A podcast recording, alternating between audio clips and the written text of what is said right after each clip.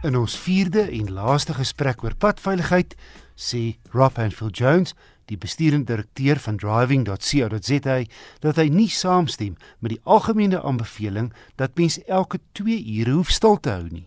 Dit kom van uit die 1960s en 70s. Wie hulle van ons wat daai tyd lank pad gery het, sal weet, die motors van daai tyd was onaangenaam geweest. Die stuur was swaar geweest.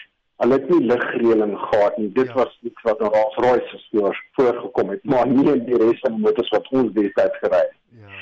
Die goed het lomp gery, jy weet hulle het gespring. Die stuur was swaar geweest. Dit was 'n gesukkel geweest om sulke goed op op die paai te hou. Ja, maar jy weet daai ou Valiant het mense gestuur, nie mense het dit gemik. Ja. So nadat hulle 2 ure deur die Karoo het in die middel van die somer so iets geworstel het wat jy regter beweeg.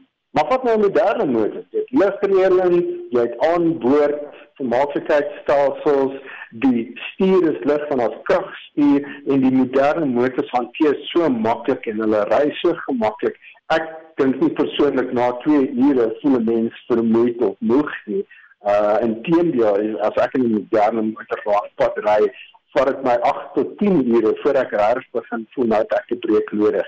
Want dit is dit is so mense in jou voorkamer sit. So so maklik ry hulle. So die die belangrikste raad wat ek sou gee is ry tot jy voel soos jy se jou aandag begin dwaal en vat dan 'n breek. Uh eerder as elke 2 ure stiptelik aftrek en dan jou reistyd onnodig verleng wat dalk daartoe kan lei dat jy saantry waar jy anders in die daglig ongery het byvoorbeeld. Rob wat mense nou moet onthou is wanneer jy brandstof ingooi en die petroljoggie nou dalk na jou bande kyk, die lesing gaan hoër wees nê vanweë die hitte wat die bande opgebou het.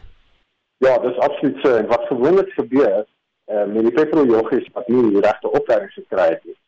Is hulle weet nie daarvan nie. So dan sien hulle op die motors uh, plakkertjie daar binne is gewoonlik by die dryfsteer daar binne by die slot waar jy maak is daar 'n plakkertjie wat die uh, aanbevole banddrukke aandui sien nou daar dat dit sê net maar sê 270 maar dan neem hy die drukking van die band en dit is 290 wat dit sal wees want 270 stout as jy sal met 20 gery vir 'n paar honderd kilometer van die lig maar uitsit en dan en dan kry jy 'n staai hoër druk. En dan blaas hy die band af.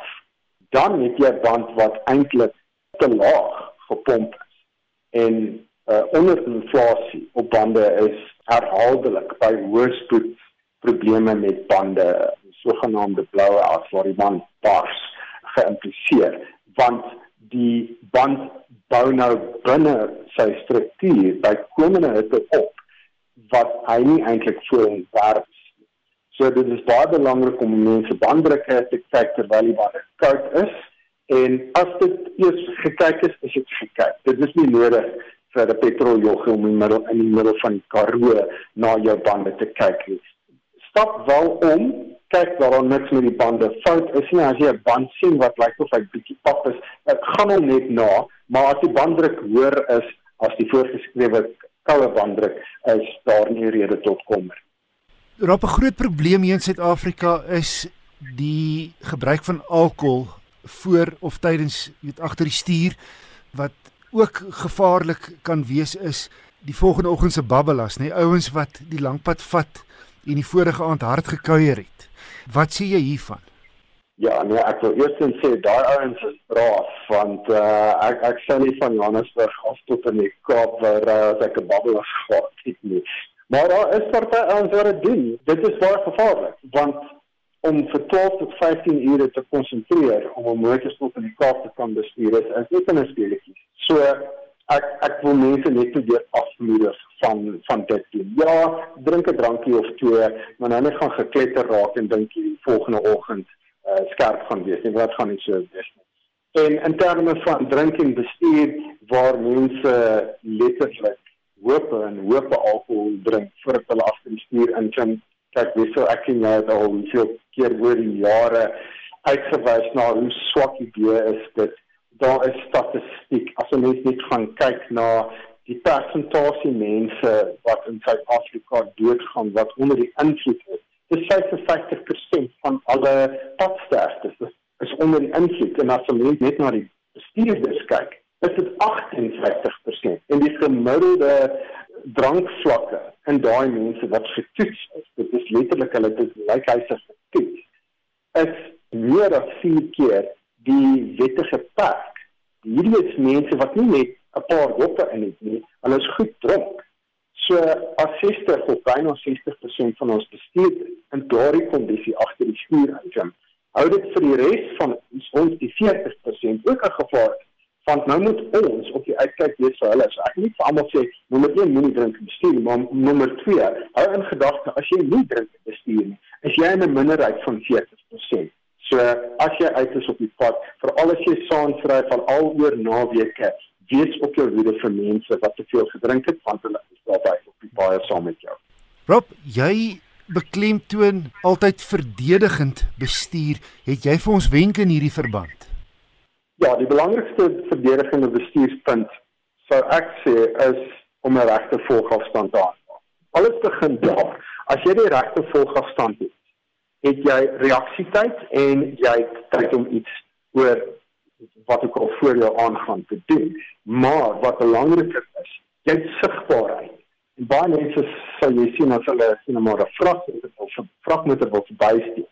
Sit so reg agter die vragmotor en hulle duik so in die aankomende keer uit om te kyk of dit nou veilig is om verby te gaan. Plek hulle net 2 tot 3 tot 4 sekondes terugval. Het hulle beter sigbaarheid sodat daai vragmotor gehad het en dan gehad en dan sou hulle nie uh, hulle self en almal wat saam met hulle is of daar is moes gestel het nie. So sigbaarheid voor uitbeplanning, al daai goed begin met met voldoende volgafstand. So dit is die eerste ding.